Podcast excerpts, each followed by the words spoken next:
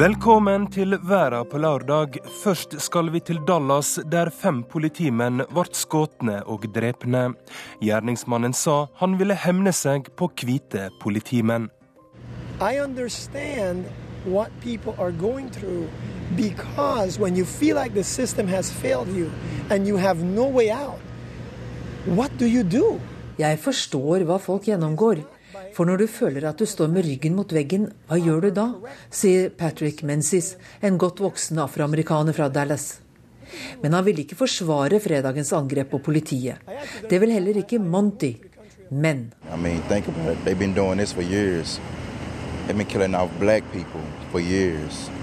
This is nothing new. This is just modern day lynching. And now black people are starting to take a stand and they starting to, you know, attack back. They starting to shoot back now. Tenk på det. De har i årevis drept svarte folk. Dette er ikke noe nytt. Nå har svarte begynt å slå tilbake. Det liker de ikke, sier Monty. Han er rundt 30, har en rad med gulltenner både oppe og nede, og jobber på varehus. But do you think it was okay that he shot a policeman? Nah, I mean, it wasn't okay, but I mean, nah, it wasn't okay. Jeg spør hvordan han oppfatter forholdet mellom svarte og politi her i Dallas, og blir overrasket over svaret. Oh, Dallas is actually a good relationship with black folks and the police officers. You know, they still gonna take us to jail over us doing crime and everything, but that's Det er et godt forhold mellom svarte folk og politioffiserer her. De setter oss ikke i fengsel for småting, sier Monty.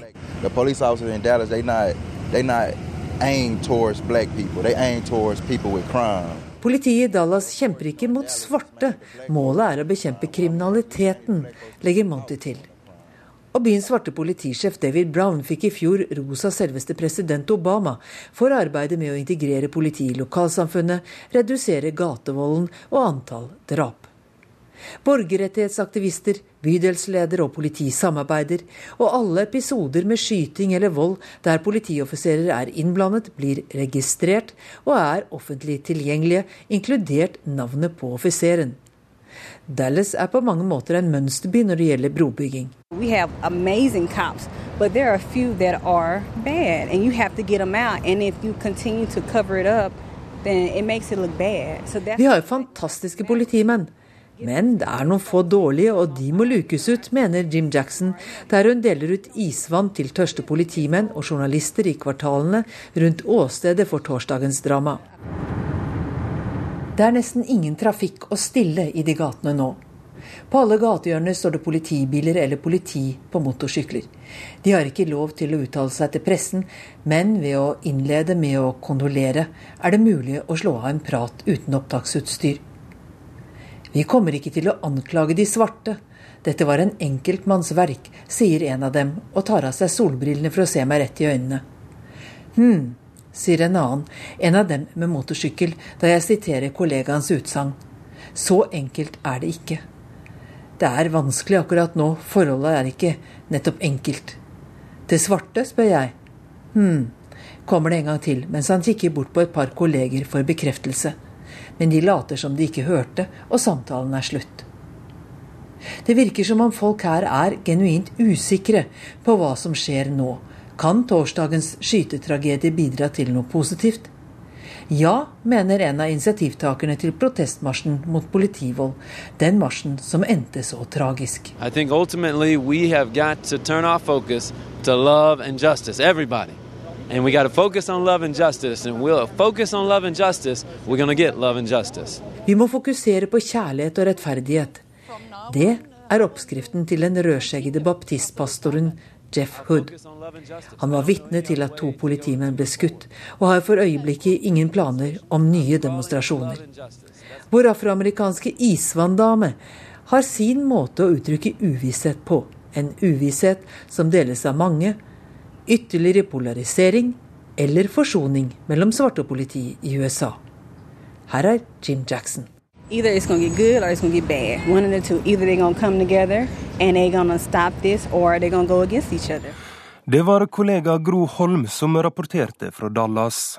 Du hører på Verden på lørdag, et reportasjemagasin fra utenriksredaksjonen i NRK. I studio Roger Severin Bruland. Vi skal både til Kairo og Nato-møtet i Warszawa, for å nevne noe. Men først til Brasil, der OL nærmer seg med stormskritt. Og denne veka kom det fram at styresmaktene vil dele ut ni millioner kondomer gratis. Arnt Stefansen rapporterer fra Rio. Lá no Chapuri, lá no Chapuri. Småbyen Chapuri i det sørvestlige Amazonas. Det er her, i fabrikken Natex, alle kondomene blir laget. For de rundt 16 000 sjelene som befolker Chapuri, er produksjon av kondomer et være eller ikke være. 700 fattige familier lever av fabrikken, som på folkemunne blir kalt Afabrica do Amor, kjærlighetsfabrikken. Og Natex kan trygt love sikker sex, for råstoffet til kondomene kommer fra gummitrærne som vokser i området. Tinha muita, muita. Tidligere hadde vi gummitappere små muligheter her i livet, sier Raimondo Boaventura. Men i dag er det annerledes. Etter at Natex-fabrikken kom i 2009, har vi hatt faste daglige leveranser av saft fra gummitreet. Og det betyr en god og sikker inntekt, en helseforsikring og en pensjon som har gitt livet for meg og familien en helt ny mening, sier han. Natex er ingen normal fabrikk. Den eies og drives av staten Brasil og delstaten Akere, og hele produksjonen, 100 millioner kondomer i året, deles ut gratis. I et land der hiv, aids og andre smittsomme sykdommer er svært utbredt, blir dette sett på som en god investering i folkehelsa. Men skattepengene som brukes på Natex, har også et annet formål.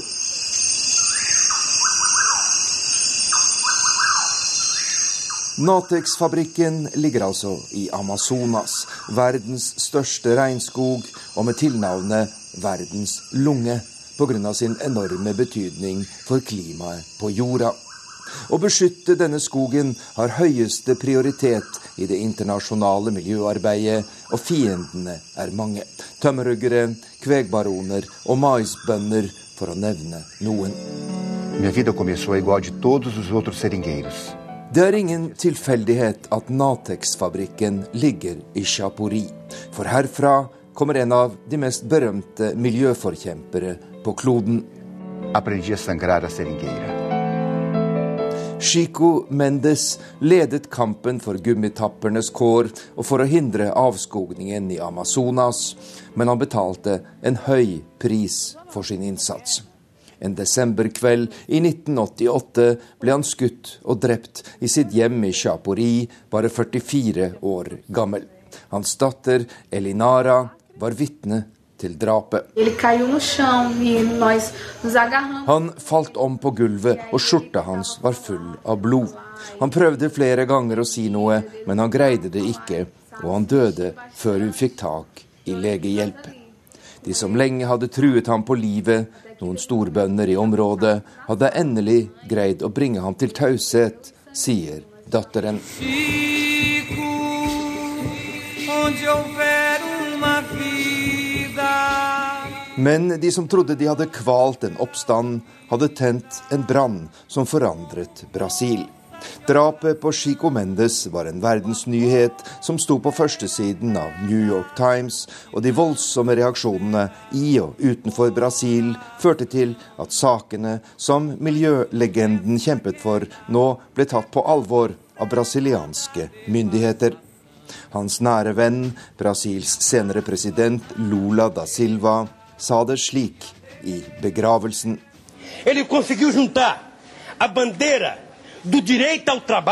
Han greide å forene retten til arbeid og liv for arbeidsfolk i dette området med kampen for Amazonas. Han visste at det er regnskogen folk lever av, og at uten den er det ingen fremtid for dem som bor her. Hvis barna i dette området skal ha noe å spise, må foreldrene ha arbeid, og arbeidet er det skogen som gir, sier Lula da Silva i sin avskjedstale til Chico Mendes, det fremste symbolet på kampen for å redde regnskogen i Amazonas. Chico, onde houver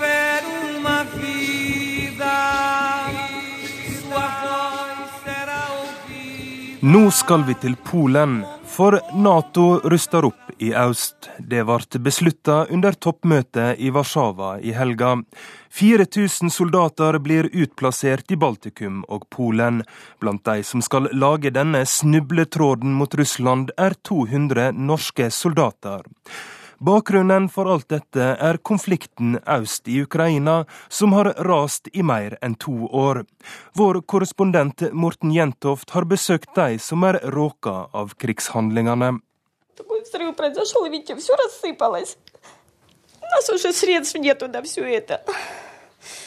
Nå er halve taket borte, det er glass overalt, og et par av hennes venner prøver å tette et stort hull i den ene veggen.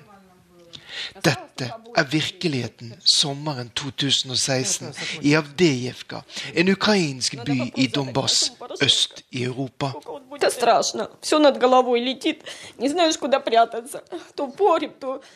Det er forferdelig det som skjer. Hele tiden flyr det granater og kuler over hodene våre.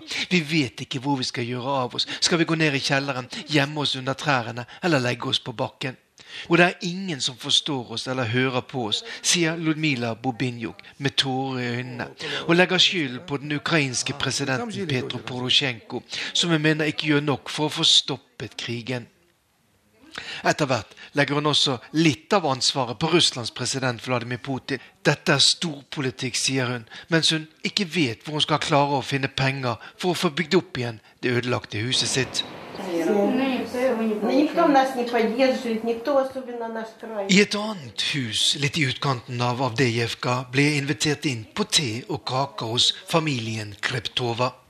Valentina på 74 er et produkt av sovjettiden, og hun mener at alt var mye bedre før. Почему? Пьяный, да? Да они себя нетрезво ведут. Nå mener Valentina Kreptova at det er ukrainske myndigheter, de som styrer i Kiev, som har skyld i konflikten. Og hun sier at kulehullet i et av vinduene hennes er et resultat av at de ukrainske soldatene som kontrollerer Avdejevka, skyter rundt seg i fylla. Men nå må vi ta tak i dem som kriger, og sette dem på plass, sette dem rundt et bord for å snakke sammen for å få til fred, sier Valentina Kreptova. Vi er tross alt alle ukrainere. Vi som bor her, vi drar ingen steder. Vi elsker vårt Ukraina. Og vi vil ha det slik som det var tidligere, sier den 74 år gamle kvinnen, som senest natten før vi besøkte henne, ble vekket av skyting fra tunge våpen. Og det er altså kamphandlingene i Ukraina som gjør at bl.a. vertslandet for Nato-møtet Polen har bedt om flere Nato-soldater. Berlin-korrespondent Guri Nordstrøm har sendt oss denne rapporten fra den polske landsbygda.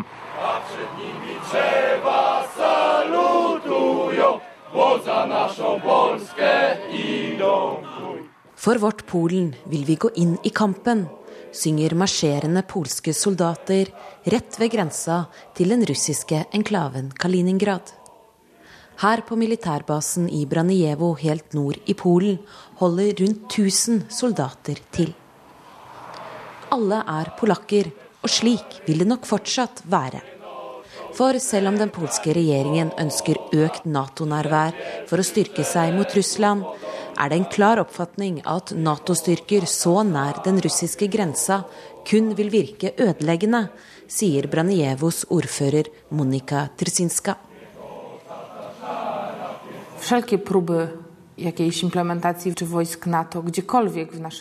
Ethvert forsøk på å sette ut Nato-styrker i Polen vil skape tvil på russisk side.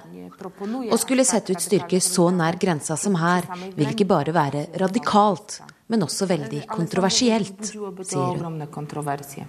Og selv ser hun heller ikke hvorfor det skulle være nødvendig. For i motsetning til det man skulle tro når man hører retorikken mellom Warszawa og Moskva, så er det god kontakt mellom menneskene som bor i grenseområdet her. Vi er vant til russerne. Vi har levd side om side med dem i mange år. Og når de på toppen snakker om situasjonen, så kjenner de ikke hele virkeligheten. De glemmer at det også er et godt naboforhold blant oss som bor her, sier ordføreren.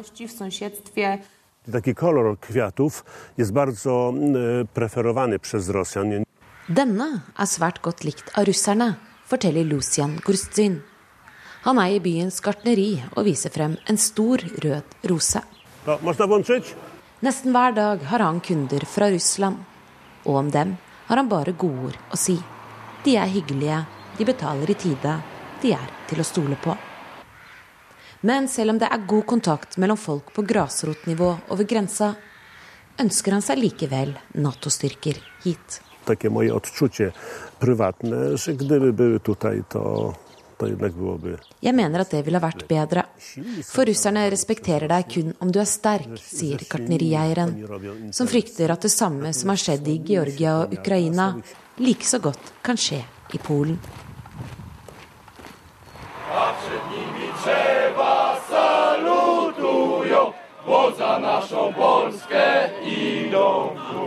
Men enn så lenge er det kun søt musikk fra soldatene her.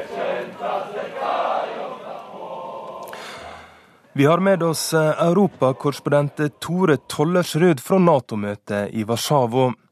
Eh, Nato ruster opp og provoserer Russland. Er dette helt uproblematisk for eh, norske politikere?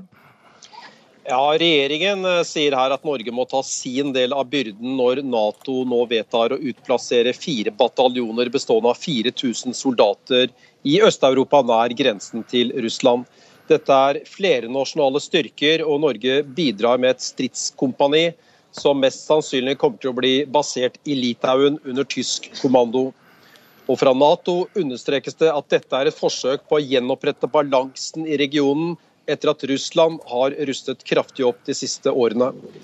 Satsingen i øst var hovedtema under statsledernes middag i går kveld, forteller statsminister Erna Solberg Jeg tror nesten uten unntak så var alle som hadde ordet, veldig opptatt av at vi må faktisk stå sammen, vi må vise styrke.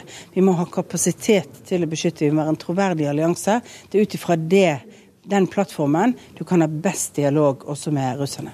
Men eh, Tore, er hele Nato samlet om denne her? Det er vel det inntrykket ledelsen i Nato forsøker å gi utad, men det kommer stadig drypp som slår noe sprekker i denne versjonen. Senest i går sa jo Frankrikes president Hollande at Russland er partner og ikke en trussel, som han uttrykte det. Og Tidligere har Tysklands utenriksminister Steinmeier ment at Nato provoserer russerne unødig, og har kalt denne opprustningen østover for sabelrasling. Takk til deg, europakorrespondent Tore Tollersrud. Og Russland er nødde til å svare militært på Natos styrkeoppbygging i Øst-Europa.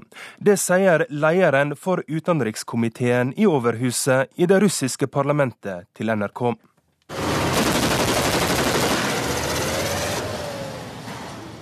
Tunge militære kjøretøy tar seg fram i ulendt terreng under en øvelse i Volgograd-regionen i den sørlige delen av Russland denne uka.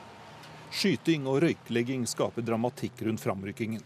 Kamphelikoptre skyter raketter mot mål på bakken. Øvelsen ble satt i gang bare noen dager før Nato-toppmøtet i Warszawa, og kan være et signal om at russiske myndigheter er svært misfornøyde med alliansens vedtak om styrkeoppbygging i Øst-Europa. De siste ukene har de russiske styrkene flere ganger blitt satt i alarmberedskap. De skal når som helst være klare til å møte en militær trussel fra vest. Det at Nato skal utplassere 4000 soldater i østeuropeiske land i tillegg til å lagre våpen og annet militært utstyr, ser russerne som en klar militær opptrapping fra vestlig side. En ledende politiker i det russiske parlamentet sier det er svært bekymringsfullt at Nato bygger opp sine styrker like ved den russiske grensen. Hvorfor bygger Nato opp sine militære styrker og sitt potensial i landene nær Russland, spør Konstantin Kasatsjov, som leder utenrikskomiteen i Overhuset i det russiske parlamentet. I et intervju med NRK viser han til at alliansens medlemmer mange ganger har angrepet andre land, som f.eks. det tidligere Jugoslavia, Irak og Libya. Det som nå skjer er en trussel mot Russland, understreker Kasatsjov. Russiske myndigheter kan ikke la være å reagere på den nye trusselen fra Nato, sier den russiske politikeren. Det er allerede kjent at den russiske hæren vil opprette eller flytte flere divisjoner vestover, det er militære enheter med mellom 10 og 20 000 soldater, i tillegg til mye militært utstyr. Nato leter hele tiden etter en ytre fiende og en trussel, sier Kasatsjov. Han mener at det nå er Russland som har fått denne rollen, selv om russerne etter hans mening ikke utgjør noen trussel for Nato. Det pågår også hele tiden en demonisering av Russland fra vestlig side, noe som oppfattes som svært urettferdig, ifølge utenrikspolitikeren i det russiske parlamentet. Reporter Jan Espen Kruse. Vi har med oss Moskva-korrespondent Morten Jentoft. Og Morten, hva er de siste reaksjonene fra Moskva på Natos styrkeoppbygging? I, uh, I, går så sa Dmitrij Peskov, som jo er president Vladimir Putins uh, uh, talsperson, at Russland Han gjentok altså de, de, de argumentene som vi nettopp hørte i reportasjen. Russland truer ingen. Denne styrkeoppbyggingen fra Nato i Russlands nærområder den kaller han for absurd. Samtidig så er det interessant å se at man har vært relativt forsiktig i forbindelse med toppmøtet i Warszawa med å komme med de mest bombastiske uttalelsene fra eh, russisk side. Peskov han sa at man er åpen for et samarbeid. Man har felles interesser når det gjelder kampen eh, eh mot, eh, mot, terror. Eh, sånn at det blir jo interessant å se også hva som kommer til å skje på dette møtet 13.7 i dette samarbeidsrådet mellom Nato og Russland. Da skal det jo være et møte der Bl.a. Eh, Jens Stoltenberg, generalsekretæren i Nato, da skal forklare Natos standpunkter overfor Russland.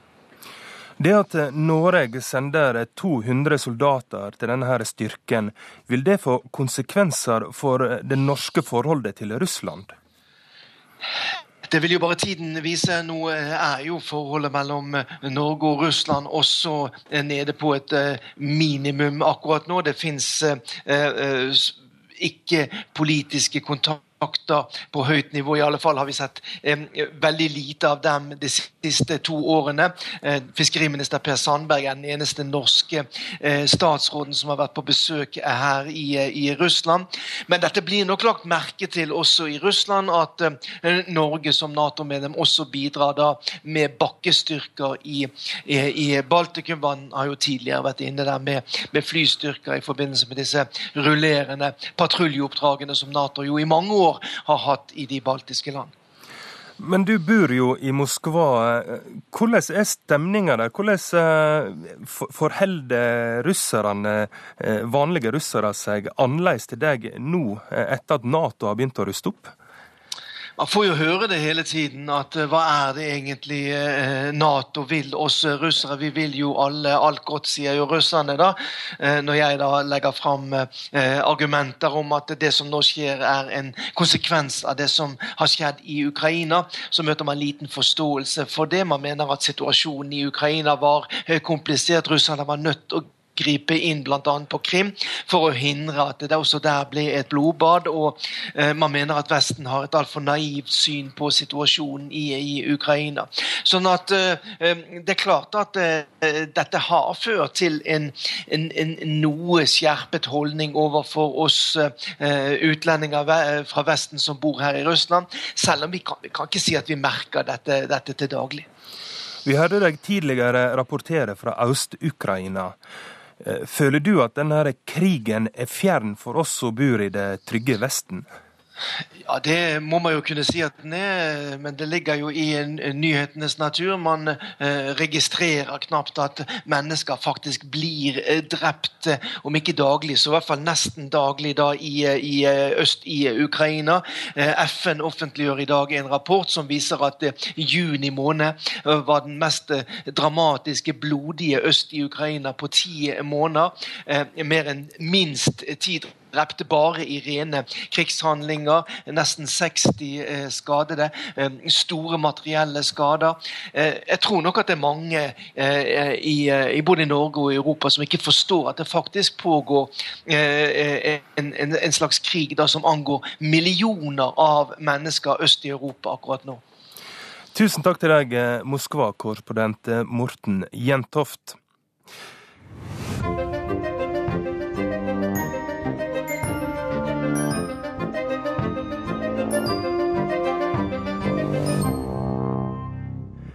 Indias statsminister Narendra Modi er på rundreise i Afrika.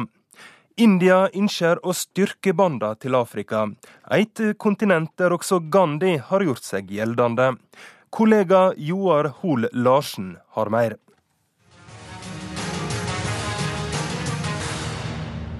Prime Minister Narendra Modi is on his first official visit to continental Africa. This will be the first prime ministerial visit to Southeast African nations in the last 36 years. Det er altså første gang på 36 år at en sittende indisk statsminister besøker land i det sørøstlige Afrika. De fire landene, Sør-Afrika, Kenya, Tanzania og Mosambik, kontrollerer hele den østafrikanske kystlinjen fra ekvator til Kapp det gode håp, langs det som i denne sammenheng symbolsk nok heter Det indiske hav. The focus of which remains deepening cooperation in areas of maritime security, trade and investment. Så står det også maritime utfordringer samt økt samhandel og tettere sikkerhetskoordinering på dagsorden i alle de fire landene, sammen med energisamarbeid og investeringer. Bak denne høyst reelle dagsordenen lurer Kina og den kinesiske innflytelsen, for ikke å si det forspranget kineserne har på India i denne delen av verden. Inderne benekter riktignok at Afrikaturen har noe som helst med Kinas rolle der å gjøre. For India er i ferd med å bli en internasjonal stormakt, ikke minst i Afrika, på egne premisser. Og Modis ambisjon er å omgjøre dette ønsket til en realitet. Derfor er dette besøket bare ett av flere i et koordinert indisk fremstøt mot Afrika. Interestingly, Prime Minister Modi's Africa trip is preceded by President Pranab Mukherjee's tour to Ghana and Namibia, and Vice President Hamid Ansari's visit to Morocco and Tunisia. For så vel den indiske presidenten som visepresidenten har nylig besøkt andre deler av kontinentet. Men ingen steder er inderne så velkomne som i republikken Sør-Afrika. So even though we've been brought up here in South Africa, I mean, we have such wonderful ways to know what is happening in India. I mean, most of us watch NDTV. That, um, I Sør-Afrika får nemlig Modi god drahjelp av landets store indiske befolkning. Én million, eller ca. 2,5% av innbyggerne i landet, regnes som indiske etterkommere av sukkerarbeidere som ble brakt fra India til Natal i kolonitiden.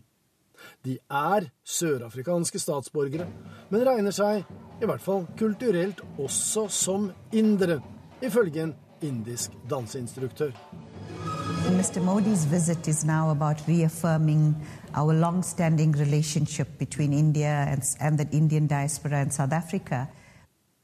Men det mest spesielle ved Modis besøk i Afrika er en togtur. Til minne om en jernbanereise helt utenom det vanlige for 123 år siden.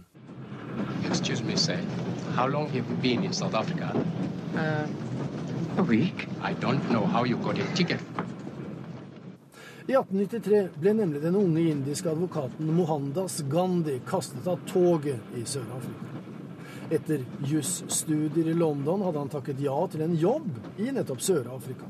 Han kom fra en god familie i India, var velstående, velutdannet og moteriktig kledd, og som sådan passet han godt inn på første klasse.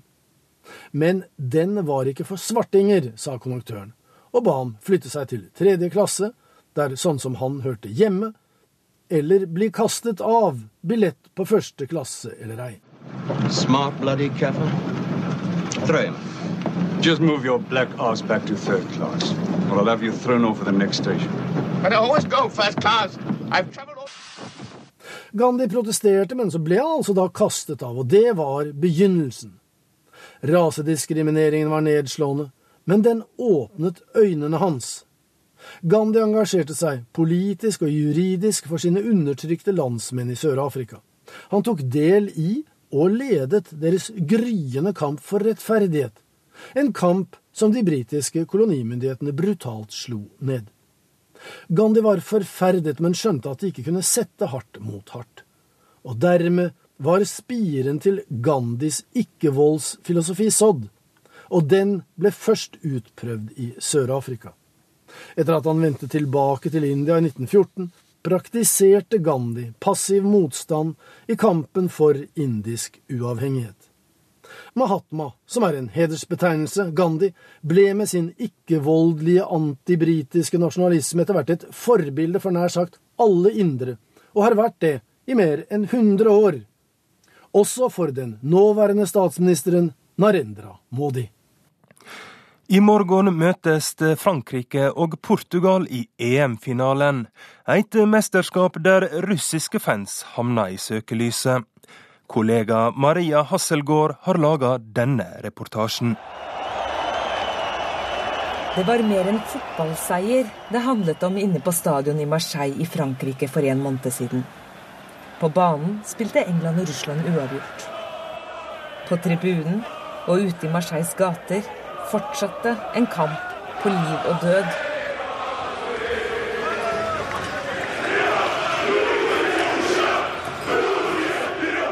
Resultatet rapporterte BBC.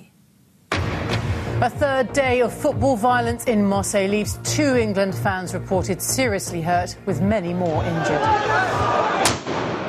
The violence has been. It's about midnight now, and the England fans have been followed around by the French riot police.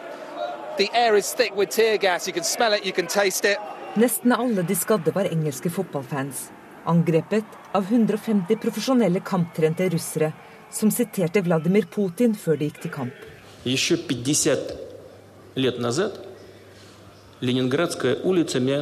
For 50 år siden lærte jeg en ting av Leningrads gater.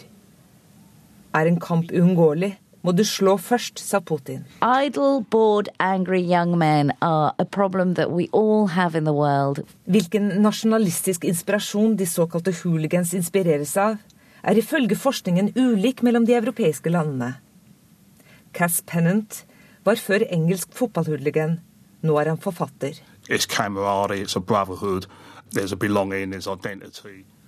Han forteller at de britiske fotballpøblene gjerne har vært uorganiserte bråkmakere som søker tilhørighet. Nå er det de østeuropeiske fotballhooligans som er mest voldelige og som støtter eller brukes av høyreekstreme krefter, forteller Andreas Seliås, som er sportsblogger og tidligere forsker på Norsk utenrikspolitisk institutt. Det vi så med russiske bråkmakere, slåsskjemper, nå, det var kanskje en mer politisk ytring eh, sammenligna med det vi så fra engelskmennene. Russerne er jo, kom jo fra det tidlige Sovjetunionen. I Sovjetunionen var det jo mange land som ønsket å bli fri, og brukte da bl.a. fotball eh, som uttrykksform, eller fotballbanen som arena. Det europeiske fotballforbundet Uefa etterforsker både tyrkiske, kroatiske, ungarske, rumenske og belgiske fotballpøbler for vold eller ulovlig bruk av fyrverkeri på EM-arenaer. Etter slagsmålet i Marseille var det det russiske fotballforbundet som fikk bot på 1,4 millioner kroner. Både for rasistisk oppførsel og for bråket, noe som supporterne selv sørget for å kringkaste via YouTube.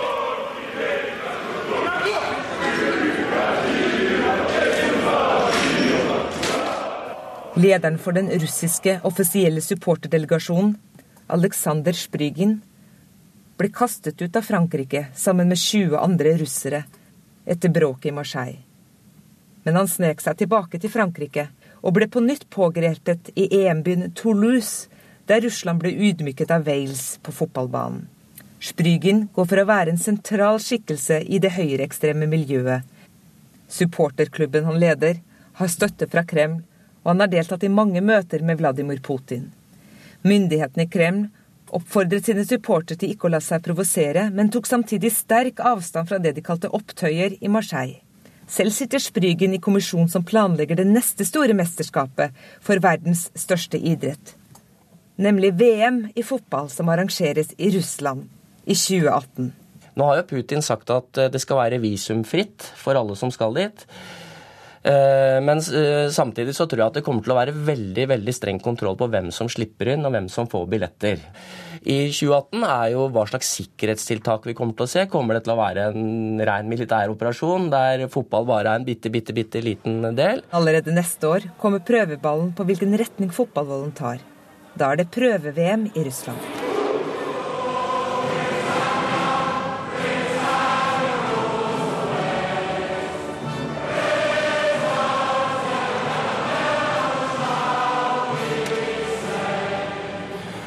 Det har vært turbulente tider både økonomisk og politisk etter brexit. USAs finansminister Jacob Lew reiser nå til Europa for samtaler om den økonomiske situasjonen etter at Storbritannia stemte for å gå ut av EU. Og to kvinner, Andrea Ledsom og Theresa May, kjemper om å bli ny statsminister etter at David Cameron sa han ville gå av. Den nye statsministeren vil få den kontroversielle oppgåva med å sende avskjedssøknaden til Brussel. Alistair Campbell var kommunikasjonsansvarlig for regjeringa til Tony Blair. Han mener brexit vil få alvorlige konsekvenser. Of all the world leaders, there are only three foreign policy voices, apart from Le Pen, who really come out and welcome this. Vladimir Putin, who's sitting in the Kremlin laughing his head off, Donald Trump and ISIS. Av alle verdens ledere så er det bare tre, unntatt Le Pen, som har ønsket dette velkommen. Og det er Vladimir Putin som sitter i Kreml og ler seg i hjel fordi EU er destabilisert uten at han har løftet en finger for det. Donald Trump og IS, sier Alistair Campbell. Statsminister Tony Blairs tidligere spinndoktor kan fortsatt kunsten å spissformulere seg, og når han gjør det, pleier britene fortsatt å lytte, selv om han er ute av politikken formelt. Britenes EU-nei er et tragisk brudd med ideen om et fredelig Europa, mener han. why did the European Union even come into being? Because it came into being because of history of the great powers of Europe constantly being at war, killing each other by the million. And that stopped. EU-kampen i Storbritannia var skitten, ifølge Campbell, som burde ha greie på hvordan offentlige ordskifter fungerer. And, and, and all these people for all these lies about, you know, we send 350 million pounds a week to the European Union when we don't. We can spend that money on the health service when it doesn't exist. And they're gonna, they're already, that one's already unravelled. The promises that they made on immigration have already unravelled. Um, it's a catastrophe, and I think we, we're, we're only at the beginning of the, uh, of the consequences playing out, I think. Britenes nei har kastet landet ut i et lite politisk kaos, med ledertrøbbel både hos de konservative og Labour. Og akkurat hvordan avtalen med EU blir, er også helt i det blå. Just shocked that we've made such a catastrophically stupid decision. And that we're just, I think the world is looking on and thinking, mm, you, you know, didn't you used to be a serious country? Reporter var Øyvind Nyborg. Men det er ikke alle som er samde med Alistair Campbell. Storbritannia er delt på midten i EU-spørsmålet. Vi har snakka med en ihuga brexit-tilhenger. Jim Wiley leder de sikkerhetspolitiske studiene ved universitetet i Aberdeen. Han mener kritikere som Campbell bør roe seg ned. Well, I would suggest Alistair Campbell that he remembers the track record of his own government. Alistair Campbell representerte ei regjering som ikke var i stand til å håndtere finanskrisa, og de mislykkes i Irak. Så jeg ber han om å være litt mer audmjuk, forteller den erfarne forskeren Jim Wiley på telefon fra Aberdeen. And not to denigrate the ordinary people of the UK. Wiley avviser påstandene om at folk ikke visste hva de stemte på. Var det kanskje idiotene som stemte Blair og Brown inn i regjering i tolv år da, spør han spøkefullt. so if every time you lose you say it's just stupid people, then ignore them. But whenever they vote for us, they're being very clever, so it's perfectly okay. Then this completely undermines and invalidates any kind of Wiley avviser at det er politisk kaos i Storbritannia. Staten fungerer. There is a prime minister. Cabinet ministers are running their departments. The civil service has not been shaken. It is running the country as normal. Men hva vil skje om Underhuset stemmer imot en brexit? Dette vil være ei farlig utvikling, forteller Wiley. Britisk politikk er basert på sedvane. Landet vil bli kasta ut i uvisse. uh, waters, and there would be a constitutional crisis, a real proper constitutional crisis. Jim Wiley stemte sjøl for å forlate EU. Han er ikke bekymra for de økonomiske konsekvensene, og for han var ikke innvandring ei viktig sak. For Wiley var det viktigste argumentet sjølvstyre. There are things of value to many people which are not just economic. For example, self-government, democracy, liberty. Men hva med fredsprosjektet EU, da? Har ikke europeisk integrasjon sikra fred i Europa? Nei, svarer Wiley, det var Nato og USA. Og han minner oss på at de britiske soldatene som fall i verdenskrigene, ikke døde for en felles jordbrukspolitikk. De døde for demokrati og selvstyre. Did not die for the common agricultural. They died for democratic self government. That was why they died.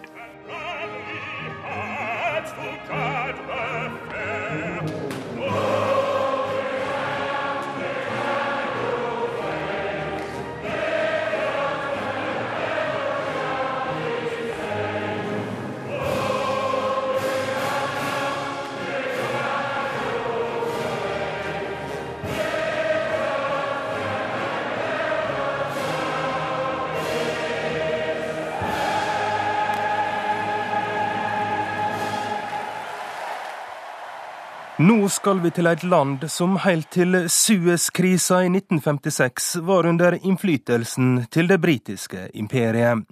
Og det skal få høre det siste korrespondentbrevet, i alle fall i denne omgang, til vår mann i Kairo, Sigurd Falkenberg Mikkelsen. Det er ikke alt man forteller sjefen sin. Da jeg ringte og sa at det var i orden at jeg var på flyplassen og straks skulle gå på flyet som skulle ta meg til Beirut og videre derfra til Istanbul, så stemte det, men det var ikke hele sannheten.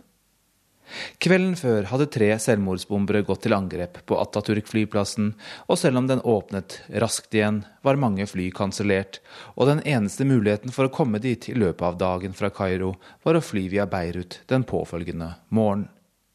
Jeg hadde allerede dårlig tid da jeg dro hjemmefra, og Uber-sjåføren som skulle hente meg, dukket aldri opp.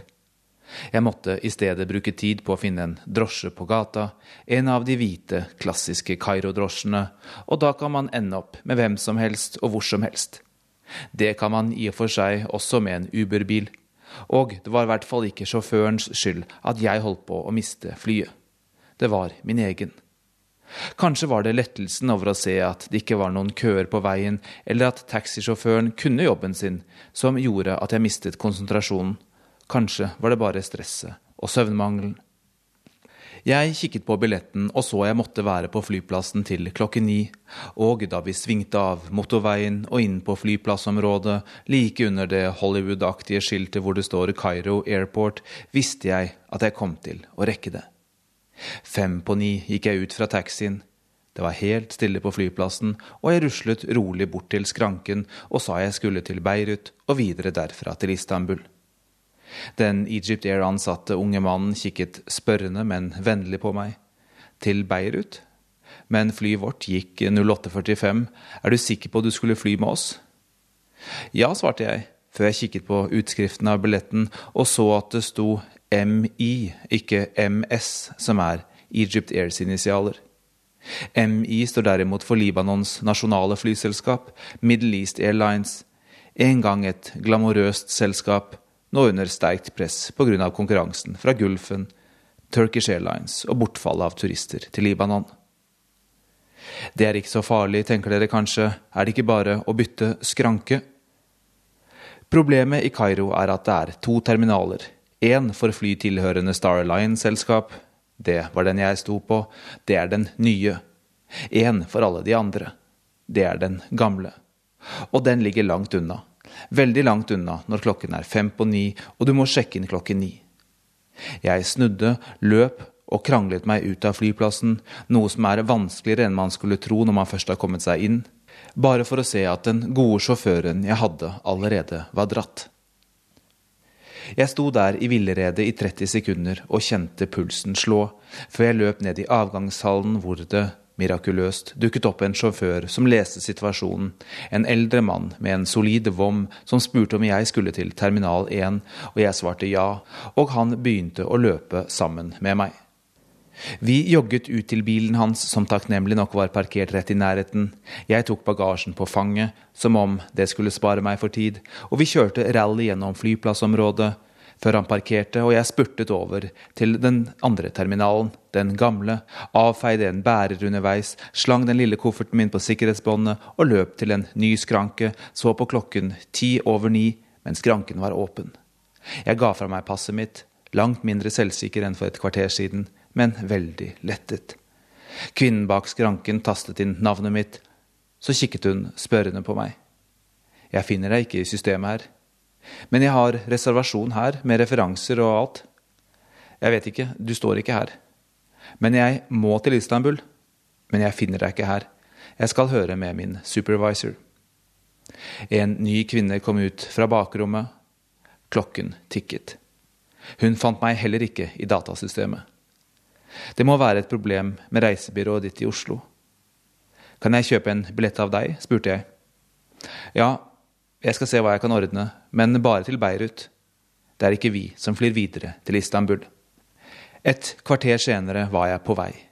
På vei nok en gang for å dekke, for å fortelle om et terrorangrep. Løper vi terroristenes ærend, vi journalister, etter slike angrep? Gir vi dem for mye oppmerksomhet?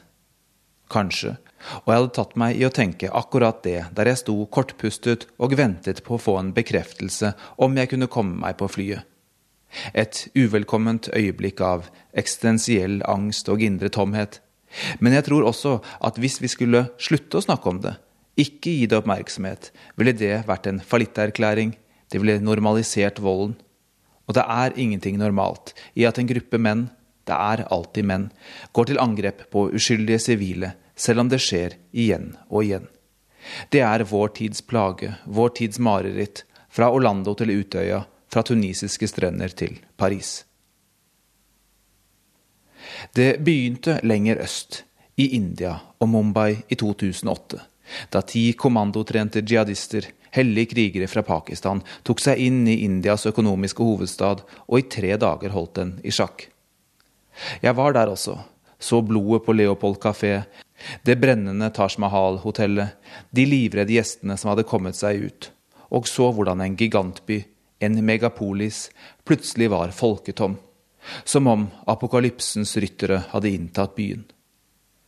Jeg visste ikke da at dette var starten på en ny terrormetode, på en ny og dystrere verden. Det burde jeg kanskje skjønt. Det er et effektivt våpen. Frykten, kaoset som det skaper, med enkle midler. Men dette var før IS satte det i system, før den arabiske verdens politiske kollaps. I motsetning til Mumbai var terroraksjonen på Atatürk-flyplassen kortvarig, og da jeg ankom 18 timer etter at den hadde funnet sted, fungerte flyplassen igjen tilnærmet normalt. Taxfree-butikkene var åpne, passasjerer hastet forbi, passkontrollkøene var like lange som de pleier å være. Men uhyggen kastet fortsatt sine skygger. Ute i ankomsthallen var det satt opp lysebrune finerplater som gjerdet inn et utbredt område. En mann sto på en stig og reparerte taket, og ved et i stykker skutt vindu satt et gammelt par og hvilte ut. Terrorvirkeligheten var ikke langt unna, selv om alle bestrebet seg på å late som det motsatte. Jeg vil bare dra herfra, sa en argentinsk ung kvinne til meg. Hun var i transit og på vei hjem. Hun hadde ankommet flyplassen noen timer før angrepet skjedde, og var redd da hun måtte stå i kø for å endre billetten. Det samme var Emiya, en ung mann med tysk statsborgerskap og tyrkiske foreldre som kom på ferie. Jeg antar at han skulle feire avslutningen på fastemåneden ramadan med slektninger. Det er det de fleste muslimer gjør her under ramadan. er nær familie og venner, samtidig som de bruker ekstra tid på sin religion. Derfor føles det ekstra vondt for mange av dem når IS bruker nettopp denne perioden til å gjennomføre en serie terrorangrep. I mai oppfordret deres talsmann Abu Mohammed al-Adnani til angrep under ramadan, og oppfordringen må ha blitt hørt. Vi vet ikke om IS direkte står bak alt som har skjedd, men det har vært angrep i Jemen, i Bangladesh, i Paris er to politimenn drept, og nå sist med en serie selvmordsbombere i Saudi-Arabia og det forferdelige angrepet i Bagdad som kan ha tatt livet av over 200 uskyldige mennesker. På tross av alt dette var det lite synlig ekstra sikkerhet ute på flyplassen og ingenting inne i Istanbul. Litt som om man tviholdt på en normalitet og håpet at alt skulle gå bra. Jeg kan ikke klandre dem, og i møte med terror ligger det styrke i normalitet og dagligliv men det kan også virke litt uforsiktig, i hvert fall når jeg har sett hva tyrkisk politi er i stand til å mobilisere når de vil. Da jeg kjørte inn i byen, så det opplyste Galata-tårnet, eller da jeg litt senere satt ute i den varme sommernatten og spiste på Taksimplassen, føltes det nesten som om terrorangrepet ute på flyplassen ikke hadde hendt.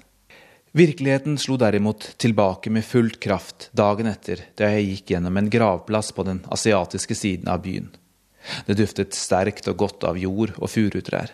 Det var lange alleer, et velordnet og velpleiet sted for død og sorg.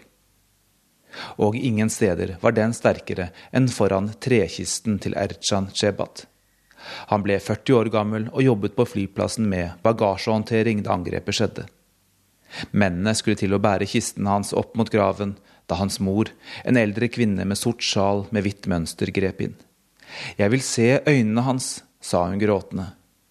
La være, sa de andre. Gjør ikke det, ba de. Men hvem kan nekte en sørgende mor? De åpnet kistelokket, og der lå han, kroppen hans tildekket av et hvitt likklede og med dødens hvitfarge i ansiktet. Moren måtte til slutt dras vekk. Begrav ham ikke, ikke legg ham i gjørma, skrek hun før begravelsen fortsatte slik den måtte, slik mennesker begraver hverandre, her med mennene samlet rundt graven mens kvinnene holdt seg i bakgrunnen. Det hvite likkledet ble løftet opp, lagt i en familiegrav, og en graver la planker på skrå over liket. En jordhaug med tung, fuktig og rødbrun jord var gjort klar på forhånd, og alle som ville kunne ta et spadetak og kaste jord på graven, mens imamen holdt sin bønn, hvor han ba for alle ofrene og sa at Tyrkia hadde vært utsatt for et brutalt angrep, og at dette var en tøff test for landet. Det var kanskje 100 mennesker som hadde samlet seg på gravlunden. Noen av dem skilte seg ut. En gikk i dress og slips og var en lokal politiker. Et par andre sto litt i bakgrunn, og en av dem hadde fyldig, halvlangt hår som han holdt unna øynene med en hårbøyle. Jeg tenkte ikke så mye på det under begravelsen. De fleste familier og liv er mangfoldige. Men da jeg etter begravelsen nærmet meg politikeren for å spørre om hans oppfatning om det som hadde skjedd, dukket han med hårbøylen og to andre opp og tok oss til side.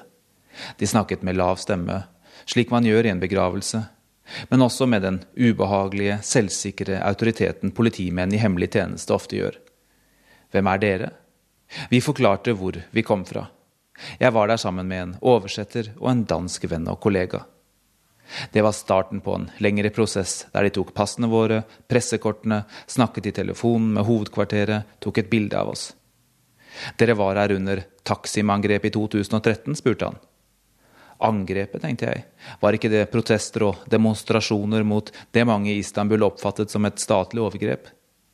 Jeg sa ikke det, men nikket bekreftende. Vi var der også da. Hva slags politi er det som overvåker en begravelse? Vi kunne ikke spørre direkte, men forsto det som om de hørte til under president Tayyip Erdogan, og kan bare spekulere på hvorfor de var der. Kanskje var det for å forsikre seg om at ingen av ofrene kritiserte presidenten og hans håndtering av situasjonen. Kanskje var det for å hindre at det ble oppmerksomhet om saken. De hadde allerede lagt lokk på den nasjonale pressen og sørget for at det nesten ikke ble snakket om, som om de ville tvinge angrepet inn i glemselen. På den annen side er det ikke unaturlig med ekstra bevoktning etter et slikt angrep, og at de ønsket å vite hvem vi var. Da de hadde bekreftet vår identitet og vårt yrke på hovedkvarteret, ble mine første mistanker bekreftet. Vi spurte om vi nå kunne fortsette vårt arbeid og snakke med offerets familie. Da ristet de på hodet og sa det var best om vi gikk. Det var ikke noen oppfordring, men en ordre, og vi var tvunget til å gå tilbake samme vei som vi kom. Langs de sorgtunge, alene på denne gravlunden i Istanbul. Og jeg vet ikke mer om Ercan Cebat enn at han jobbet på flyplassen den dagen angrepet skjedde, og at han ble begravet til lyden av sin mors skrik. Urix på lørdag er slutt. Ved en inkurie ble det gamle navnet Verda på lørdag brukt i starten av sendinga. Vi håper ikke det har skapt problem for de som leter etter podkasten vår. Det er altså Urix på lørdag vi heter. Korrespondentbrevet til Sigurd kan du også lese på nett, og det anbefaler jeg på det varmeste. Så med dette takker vi for at dere brukte lørdagsmorgenen på oss her i P2. Bak spakene satt Erik Sandbråten, produsent var Katrine Nybø, og i studio Roger Severin Bruland.